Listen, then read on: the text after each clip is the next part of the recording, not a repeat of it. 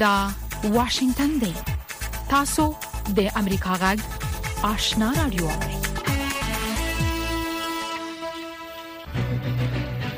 قدرمن اوریدونکو السلام علیکم زه شافیا سردار یم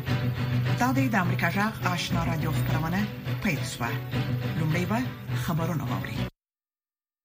ویان سید سلیمان شاه د طلوع نیوز د یو رپورټ لمخې په داسې حال کې چې د پکتیکا په ولایت کې د تباکونکو زلزلې یو کال پوره کیږي په سلګونو کسان چې په دغه تباکونکو زلزلې کې ورته د سر او مال ځان رسیدلو لستونزو او کړهونو سره لاس په گریوان دي د طلوع نیوز د رپوټ له مخې په دغه زلزله کې له څلور سوه نه زیات کسان وژل شوي وو او یو زر او اووه سوه تنه نور ټپیان شوي وو. همدا راز د پکتیکا د ولایت په دریو ولسوالیو کې څه د پاسه اووه زره کورونه ویجاړ شوي وو. ویل کیږي چې د بیا رغونې کارونه خورا ډیر سوکه دي. د طالبانو د حکومت د حج، ارشاد او اوقافو وزارت وايي چې له افغانستان نه سعودي عربستان ته د حج د فریضې د ادا کولو لپاره د حاجیانو د انتقال بهیر بشپړ شوی. مجموعاً دېرش زره درې سوه شپاړس حاجیان سعودي عربستان ته رسېدلي دي. د حج، ارشاد او اوقافو د وزارت سرپرست نور محمد ثاقب د افغانستان ملي تلویزیون سره په مرکه کې ویل چې په تېرو لسو کلونو کې دا لومړی ځل دی چې له افغانستان نه سعودي عربستان ته حاجیان په ټاکلې موده ورسېدل. تېر کال هم دیارلس زره پنځه سوه دوه اتیا افغان حاجیانو سعودي عربستان ته سفر کړی و. د سعودي حکومت له پرله پسې دوو کلونو وروسته د روان میلادي کال د جنورۍ په میاشت کې اعلان کړی و چې سږ کال د حج په مناسکو کې هغه بندیزونه لرې کړي چې د کورونا د وبايي ویروس د خپرېدو له امله لګول شوي وو. د رویټرز خبري اژانس د رپورټ له مخې په دې اونۍ کې طالب چارواکو د قندهار په ولایت کې ښځو کارکوونکو ته یو مکتوب استولی چې د مهاجرینو په یوه پروژه کې دې خپل کارونه بند کړي. دا مکتوب چې د مهاجرینو او راستنېدونکو چارو د ریاست له خوا استول شوی، ادعا په کې شوې چې د دغه ولایت د سپین بولدک په ولسوالۍ کې په یوه مرستندویه موسسه کې د طالبانو د حکومت له لارښوونو څخه سرغړونې شوي. آژانس وايي، د والي ویاند هم د دغه مکتوب د لېږلو خبر تصدیق کړ.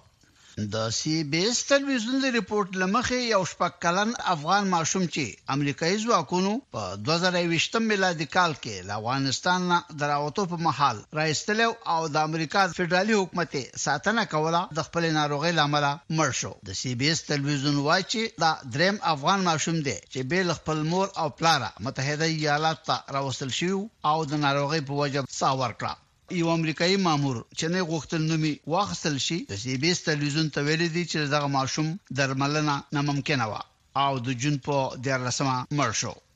د افغانستان او نړۍ خبرونه له امریکا غږ واشنګټن نه اورئ. د ناټو تړون د جمعې په ورځ د جون په درویشتمه چې د چنګاښ دوهمه کېږي، اروپا ته د احتمالي ګواښونو په وړاندې د خپل طاقت د ښودو لپاره د هوایي ځواکونو د لېږدولو تمرینات پای ته ورسول.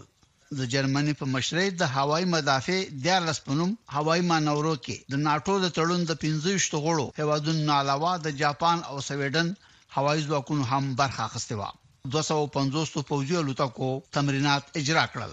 لس زره پوځیان هم په کې شامل وو. د هند صدراعظم نریندرا مودي او د متحده ایالاتو جمهور رئیس جو بایډن د یوه سوله ییز، خوندي او مصلحکم افغانستان لپاره پر خپل کلک ملاتړ تاکید وکړ جو بایډن او نریندرا مودي په سپینه ماڼۍ کې د ملاقات په دوران کې د افغانستان د موجوده بشري وضعیت په اړه هم وغږېدل او دواړو په متفقه توګه د افغانستان له ولس سره په فوري ډول د دوامداره بشري مرستو د رسولو پر ضرورت ټینګار وکړ.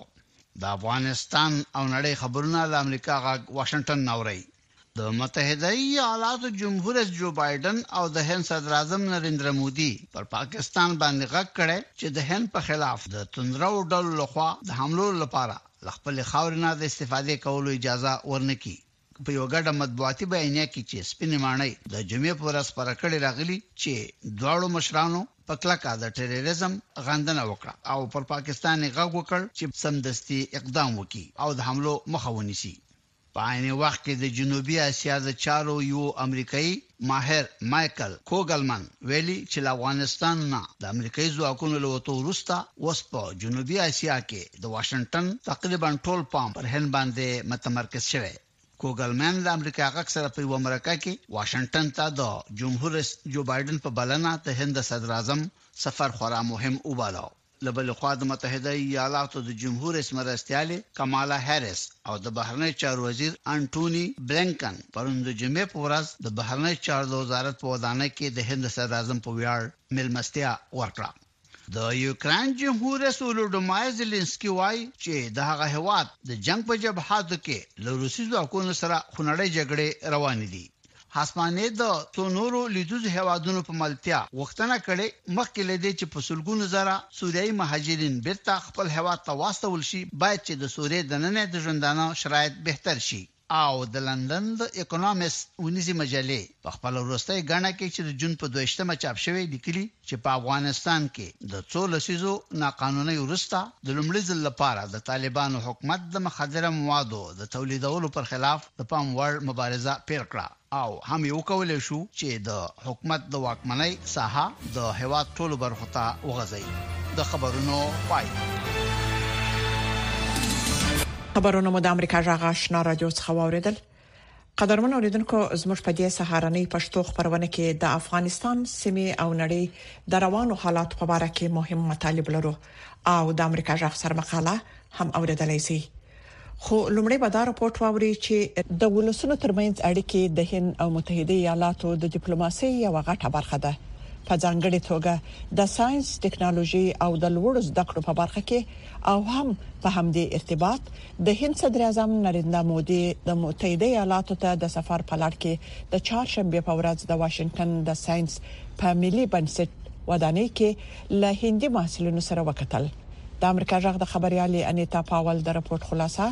زموږ همکار سید سلیمان شاه تاسو ته لولي. د صدراعظم نریندرا مودي د دې سفر اصل هدف او مقصد دا دی چې د بریتانوي دور د ژبني میراث، یو دیموکراتیکي سیستم او په لوړو زده کړو او پلټنو باندې د تاکید کولو په ګډون ډېر شیان چې د متحده ایالاتو او هند ترمنځ مشترک دي، جوت کړي.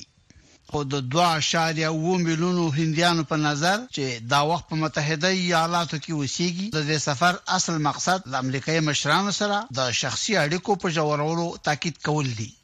هندي اتباع په متحده ایالاتو کې د هغو فني ماهرو کارګرانو نژدې درې روبې تشکیلوي چې د کار د ویزو د پروګرام پر اساس راغلي دي او هم په فوق العاده توګه زیات شمېر هندي محصلین په امریکايي پوهنتونونو کې لوړې زده کړې کوي. مودي د چهارشنبې په ورځ د متحده ایالاتو د جمهور رئیس د مېرمنې جیل بایډن په ملګرتیا په واشنګټن کې د ساینس ملي بنسټ نه د لیدنې په مهال په دغه خبره اعتراف وکړ. ښاغلي مودي وویل، سټارټ اپ انډیا مشن شروع کړ. ملګرو نن هند او امریکا دواړه د ودې د پیاوړتیا او برقرار ساتلو لپاره د استعداد یو پایپلاین ته اړتیا لري په داسې حال کې چې له یوې خوا امریکا د لوړې درجې تعلیمي مؤسساتو او پرمختللې ټکنالوژي لري له بله پلوه هند په نړۍ کې د ځوانانو د استعداد او تر ټولو غټه فابریکه لري له همدې امله ډاډه یم چې هند او امریکا انډیوالي به بې له شکه د ټولشموله او پایدارې نړیوالې ودې انجن وي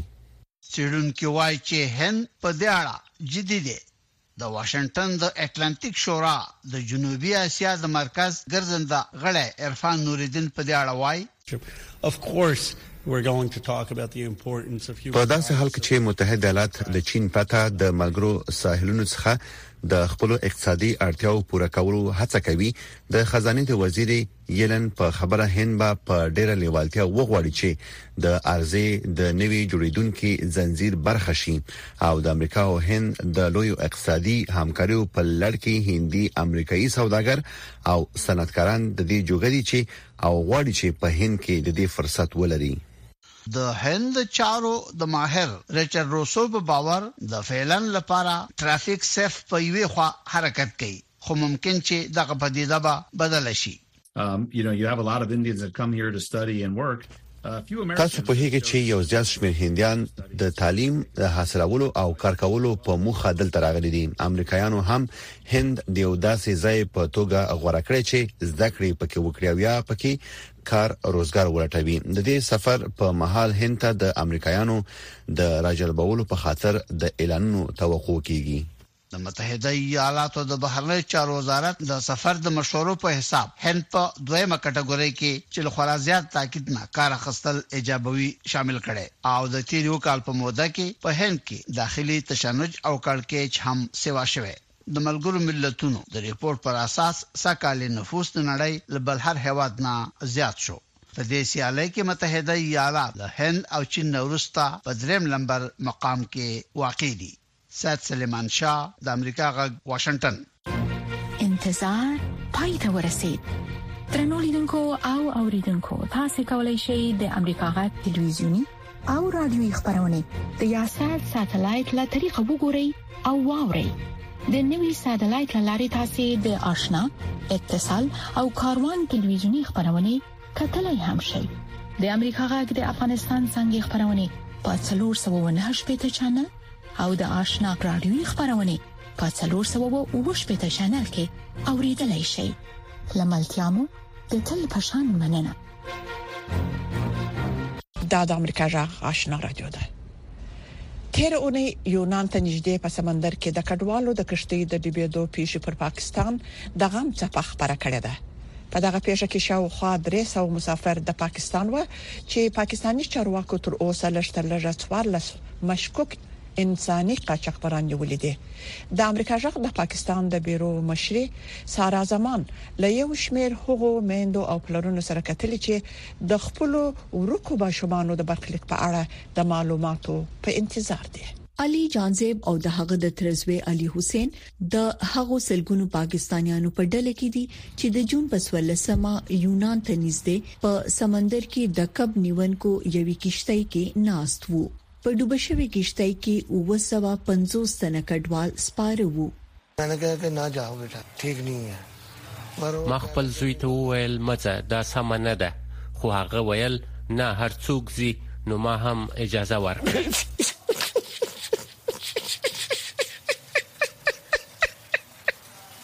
جان زیب او د هغه د ترزوی علي حسین کاچا کبرو ته د یو تن په سر 8000 ډالر نه زیات ورکړي چې له پاکستان څخه لیبیا ته د حواله لاري او بیا په کشته کې ایتالیا ته لاړ شي د حسین پلار حفیظ الرحمن د فیسبوک لارې د پیښې په اړه خبر شو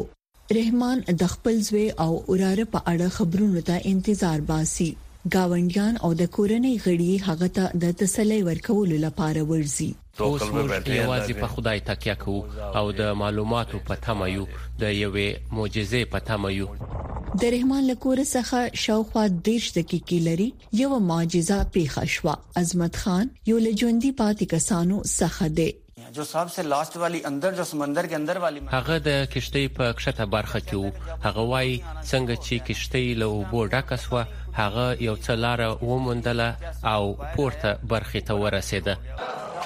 پاکستاني چارواکي تر دې پېښې وروسته د انساني قاچاق د مخنیوي لپاره تر فشار لاندې دي. هم نه اپنې تمام ټیمې بنا کې. موږ خپل ټیمونه د هر قرباني کور ته استولي دي، ځینو بیخي زموږ سره د لیدو انکار کړی دی، نور وایي چې موږ هیڅ معلومات نه لرو، ځینې وایي چې موږ نه غواړو کوم قانوني عمل تعقیب کړو، نو موږ له ډیرو ستونزو سره لاس او ګریوان یو. پاکستان د هغو درې هیوادونو په ډله کې دی چې مهاجرین یې د سمندر له لارې چې تر ټولو مشهوره لار ده اروپا ته په غیر قانوني تګ اوړي شیناز نفیس امریکا غږ واشنگټن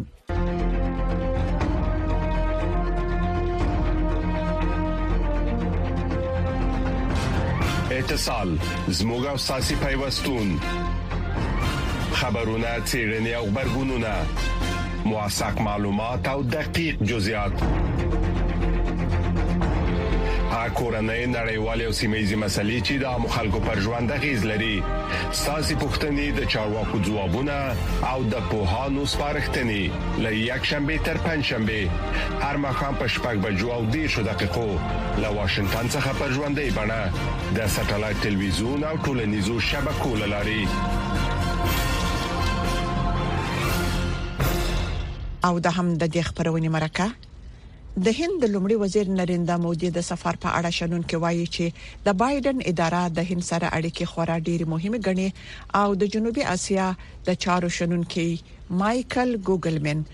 امریکا غږ ته وویل چې د بایډن د ادارې لپاره له افغانستان څخه د متحده ایالاتو د وتلو وروسته په سویلي اسیا کې تمرکز تقریبا یوازې پر هند دی. پام وکړئ د مایکل ګوګلمن سره زموږ د همکارې نذرانې یوسفزۍ مرکې ته. ډېره مننه ستاسو د وخت نه. مودي یوازې د نړۍ دریم مشر دی چې د ولسمشر بایډن لخوا رابلل شوی. دا په نظر کې د نیولو سره دا راته ووایه چې د لومړي وزیر مودي سفر څومره مهم ګڼئ؟ حقیقت دا دی چې دا به یوازې دریم ځل وي چې یو هندي مشر واشنګټن ته دولتي سفر کوي نو په واشنګټن کې خبرې کول زما پاند دا په ګوته کوي چې دا څومره نادر دي او دا وړاندیز کوي چې د بایدن اداره باور لري له هند سره اړیکې ډېرې مهمې دي نو زه فکر کوم چې یوازې د حقیقت چې مودي امریکا ته دولتي سفر کوي دا د دې اړیکو د اهمیت او پیاوړتیا نه خده زه فکر کوم ولسمشر بایدن په خپل تل د هند سره د ملګرتیا کولو په لړ کې شخصي علاقه درلوده چې د سناتور او بیا د مرسیال ولسمشر په توګه د هغه سابقې ته وګوري او همدانګه موږ یوازې په تیر یو کال کې د امنیتي ملګرتیا په برخه کې ډیر پرمختګ لیدلی دی ځکه چې د چین سره د متحده ایالاتو او هند دواړو اړیکې ترنګلې شوې دي په ځانګړي توګه لکه څنګه چې د چین په پارونکو فعالیتونو کې زیاتوالی راغلی دی د دې سفر کلیدي برخه دوه اړخیزه دفاعي همکاري ده. موږ ته دا ووایه چې دا به څنګه د دواړو هېوادونو اړیکې بدلې کړي؟ زه به استدلال وکړم چې په دې اړیکو کې ډېر خوږوالی شته دی. دا قوي اړیکې دي او یقیناً دفاعي همکاري خورا مهمه ده. زما په فکر که تاسو ګورئ چې څنګه د استخباراتو په شریکولو کې او د وسلو په پلور کې زیاتوالی راغلی دی، دلته مهم هغه څه دي چې د بنسټیز دفاعي برخې په توګه تشریح شوي چې متحده ایالاتو له هند سره لاسلیک کړي او په عمومي ډول دا یوازې د خپل نږدې متحدینو او شریکانو سره لاسلیک کوي او بیا دا هغه حقیقت دی چې د چین سره د دواړو هیوادونو اړیکې خراب شوې دي واشنگټن او نوې ډیلۍ دواړه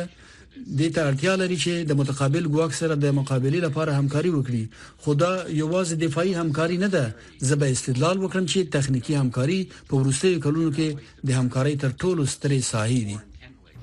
د طالبانو سره د امریکا د خبرو په مهال هند په تاریخي ډول د امریکا نه مختلفه تګلارې لرله او اوس د یوکرين د جګړې په اړه چې هند پکې به طرفه پاتې شوی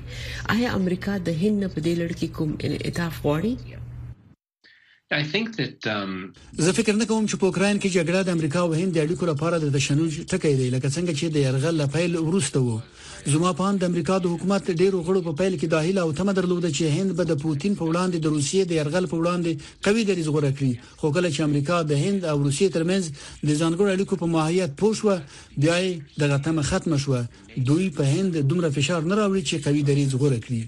او زه فکر کوم چې د دې پر ځای دا اوګده لوبه پیل کړې ده او زه فکر کوم چې دا به د بایدن مودي په غونډه کې د باوس موضوع وي چې امریکا په اصل کې هڅه کوي هند قانع کړي چې روسیا به د اوګده مودې لپاره د هند لپاره د باور وړ امنیتي ملګری پاتې نشي ځکه چې روسیه په خورا ډیر جنګ ځپلي وي. بل خوا هندي چارواکو ویلي دي چې د هیوادونو د ځمکنۍ بشپړتیا او حاکمیت په اړه د ملګرو ملتونو اصولو ته باید درناوی وشي نو زه فکر نه کوم چې کله مودي او بایډن د اوکراین په اړه خبرې وکړي زه فکر نه کوم چې دا به ناارامه خبرې وي. دا به په سیمه کې په چین، پاکستان او افغانستان د هند نفوذ څنګه بدل کړي؟ ایا تاسو فکر کوئ چې د افغانستان نه د امریکایي ځواکونو د وتلو وروسته متحده ایالات نور افغانستان او پاکستان ته دومره اهمیت نه ورکوي؟ ښه هو یقینا زه فکر کوم چې په افغانستان او پاکستان تمرکز په لویه کچه کم شوی دی. امریکا د افغانستان په اړه خورا روښانه پالیسي لري. تاسو پوهیږئ چې د طالبانو پر جګپوړي مشرتابه ټول بندیزونه لګول شوي دي په دې اړه ډېرې لږې خبرې کیږي امریکا په حقیقت کې په ښکاره له طالبانو سره اړیکې نشي رسمي کولای او ښکیلتیا باید محدود وي نو په حقیقت کې دغه یوازې د بشري مرستو پورې محدود دي د پاکستان په اړه بیا څه لګ نرم دریځ موجود دی نو زه فکر کوم چې د مودي دغه سفر پر اړتیا هم دا په ګوته کوي چې څنګه د بایدن ادارې لپاره د افغانستان د متحده ایالاتو د وټلو وروسته په سویلي اسیا کې تمرکز تقریبا یوازې په هند متمرکز دی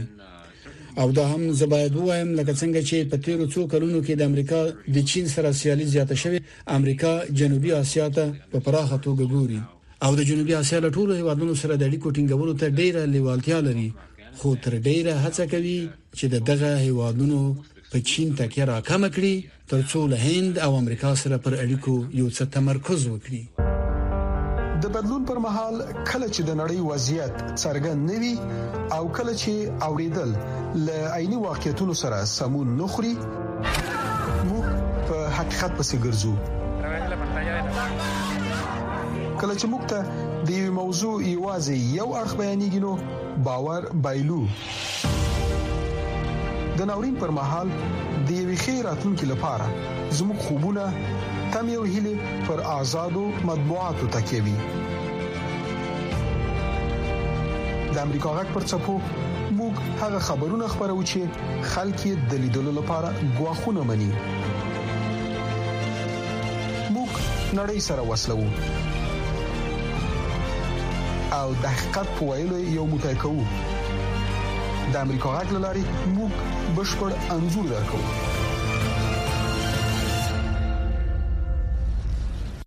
د امریکا جغ آشنا رادیو څخه راپورټونه ته دوام ورکوي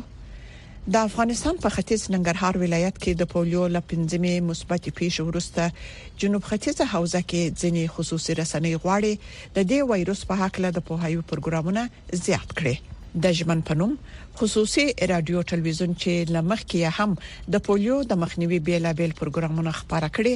ځکه یادګام اخلي چې په سیمه کې د نورو پیښو د خبرېدو څخه مخنیوي وسی او خلک لازمه اګاهي پیدا کړي نور تفصيل د منیر بهار په دې راپور کې واوري ډیورند کرښې ته سیرمه خوست ولایت چې ګڼمیشتې سیمه بلل کیږي پکې د نورو غږیزو تصویري رسنیو لمنځه د ژمن په نوم یو ځایي خصوصي ټلویزیون له ګوزڼ څخه د مخنیوي بیلابیلې برنامې او بحثونه خپروي چې د لوی شمیر خلکو عامه ذهنیت یې د پولیو په حق لا مثبت لوري ته بدل کړی د نن ورځې کار بیا هم پولیو دی تازه په ننګرهار کې د ګوزڼ پنځمه مثبته پیښه مخې ته راغلې. اتل هم اړ دی په وخت دا بحث چې اصلي محور یې ګوزڼ دی خپرولو ته چمتو کړي خو ولې رسنۍ په دغه موضوع کې دومره ژوره ښکیلتیا لري رسنۍ په یو هیواد یا په ټولنه کې مهم رکن دی بنان د مسلو ته په کتو سره د پولیو ناروغي او ورته یو شمېر نورو ټولنیزو مسایلو په برخه کې د رسنیو رول یا د رسنیو عامه پوهاوی ډیر زیات اړین دی لکه مرغه دغه عامه پوهاوی په خوست کې ژمان رادیو ټلویزیون نه ورسره خوا کې نور رسنیو تر سره کړي او لا هم په دې برخه کې خپل فعالیتونه ته ژمن دي ژمن رادیو ټلویزیون نږدې اته کاله وړاندې فعالیت پیل کړی خو د پولیو په باب یې د خلکو پوهاوی ته څومره کار کړی که موږ اته کاله پخوا اوس سره پرتله کړو، د پولیو د عامه پوهاوي یا د پولیو د ناروغۍ د مخنیوي په برخه کې د خلکو اذهان د همدې رسنیو له لارې تنویر شوي او د خلکو د پوهې کچه لوړه شوې په دې برخه کې اوس خلک په خپله لیواله دي چې خپل ناروغان یا خپل هغه ماشومان چې د پولیو د ناروغۍ د واکسین د تطبیق وړ دي صحي مرکزونو ته انتقال کړي ډاکټر ګلاب جان صدیقي ډېر کله ټلویزیوني پروګرامونو ته دعوتېږي، وايي موخه معلومه ده او د مخنیوي لپاره یې وخت نا وخت شخصي کتنځای هم تړلی، څو خلک د دې وایروس په زیانونو وپوهوي. نوموړي ځلونه د راډیوګانو او ټلویزیون له طریقه د پوهاوي پروګرامونو کې برخه اخیستې او له اغېزو یې هم خبر دی. ښاري سیمې اکثریت خلک راډیوګانې ډېرې نه استفاده کوي، تلویزیون استفاده کوي. نو د هغوی لپاره تلویزیوني برنامې ضرور دي ترڅو د تلویزیون لارې زمونږ غږ دوی ته ورسیږي کله چې مونږ مرکه کړې او یا زمونږ خبرونه نشر شوې ده زمونږ لري پرتو سیمو کې چې کوم ملګری وي کوم دوستان وي هغه مونږ ته خبر کله کله راکړی دی چې تاسو مرکه مونږ واوریده نو د هغه اطمینان په اساس نه چې مونږ ته اطمینان راکړی دی مونږ ته دا معلومات کیږي چې زمونږ غږ د همدې رسنیو له لارې تر لرې پرتو سیمو هم رسېدلی دی. داسې ښکاري چې محلي رسنۍ د پولیو ضد هلو ځلو کې له ځواک او پراخو اغېزو برخمنې دي او یونیسف هم د وګړو د لا ښه پوهاوي لپاره ټلویزیون او راډیو د غوره بدیل په توګه کاروي. منیر بهار، امریکا غږ اشنا ټلویزیون، خوست.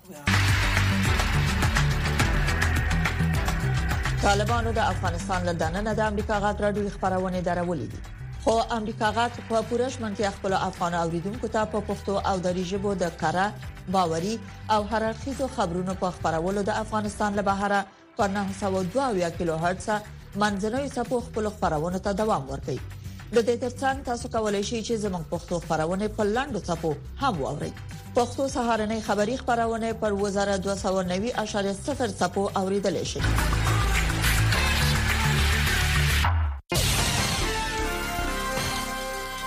درنو اوریدونکو دا د امریکا غږ سره مقاله ده چې د امریکا د حکومت نظر څرګندوي امریکا د کوریا د جمهوریت سره په همکارۍ د کوریا د خلکو د دیموکراتیک جمهوریت یا ډي پي ار کي د سایبر بدخواه فعالیتونه بیا هدف ګرځوي. د امریکا د خزانې وزارت د مې د میاشتې په درویشت مه نیټه په څلورو مرکزونو او یو کس باندې د دې لپاره بندیزونه ولګول چې مالیه پټوي او په پراخه توګه په غیر قانوني فعالیتونو کې بوخت دي او د آی ټي د کارکوونکو فعالیتونه دا دي چې د رژیم د عامې تباهۍ د غیر قانوني وسلو او د بالستیک توغندیو پروګرامونه تمویلوي. د ملګرو ملتونو د متخصصانو د هیئت د دوه زره درویشتم کال د مارچ د میاشتې د راپورټ په قول د خزانې وزارت له خوا دغه راپورټ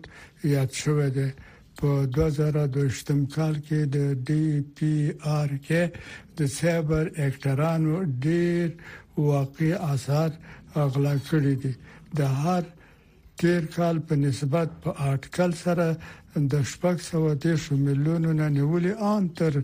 څو باندې یو میلیارډ ډالر پورې رسیدي د دې لپاره چې د دارنګ فعالیت سره مبارزه شوي امریکا د پیونګیانګ د پونتون اتومیشن نه باندې بندیزونه لګولې دي د ډي پی آر کې د سیبر د لارښوونې یو د لومړیو موسسو نه دی برسره پر نورو کسانو د دې روزونکو د سیبر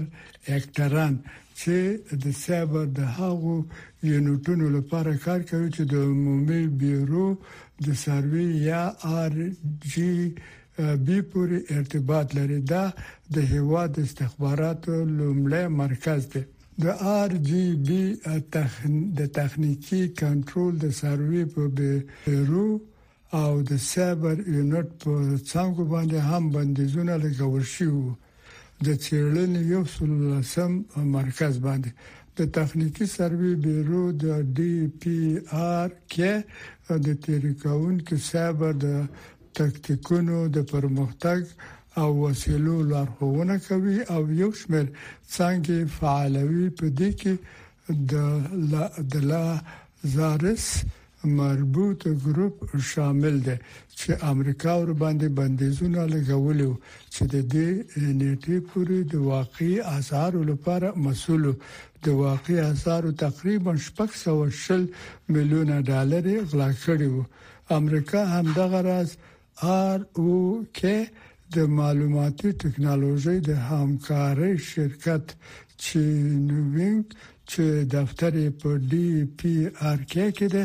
او د دې یو له استادو نکیم څنګ مان باندې چې د روسي په ولادیوستک کې فعالیتونه کوي بندیزونه ولګول په چینیانګ او کیمپ باندې په دې علت بندیزونه ولګول شلو چې د ډي پي ار کي د کارګرو د فعالیتونو سره ارتباط لري. ډي پي ار کي په درسته نړۍ کې د آی ټي د زرګونو ماهرو کارکوونکو د ځای په ځای کولو له لارې د یادونې مالیه تولیدوي چې په جعلي توګه د شرکتونو سره کار پیدا کوي چې په دې کې ټکنالوژي او د واقعي اسعارو صنعتونه شامل دي. هغه مالیه چې د دغو کارکوونکو له خوا تولیدیږي د ډي پي ار کې د غیر قانوني WMD او د بالستیک توغندو د پروګرامونو سره مرسته کوي په داسې حال کې د تروریزم او مالي استخباراتو لپاره د خزانه د وزارت مرستیال ابرین نیلسن په ولیکل شو وینا کې ویلي امریکا او د دې انډیوالانو ژمنه کړې ده چې د ډي پی آر کې د غیر قانوني مالیه د تولید فعالیتونو سره مبارزه کوي او د هغو دوامدارو کوششونو سره چې په درسته نړۍ کې له مالي منسو د واقعي اسعارو د تبادلې له شرکتونو او خصوصي کسان نه پیسې غلا کوي درنو اوریدونکو دا و د امریکا غږ سر مقاله چې د امریکا د حکومت نظر یې څرګند کړ.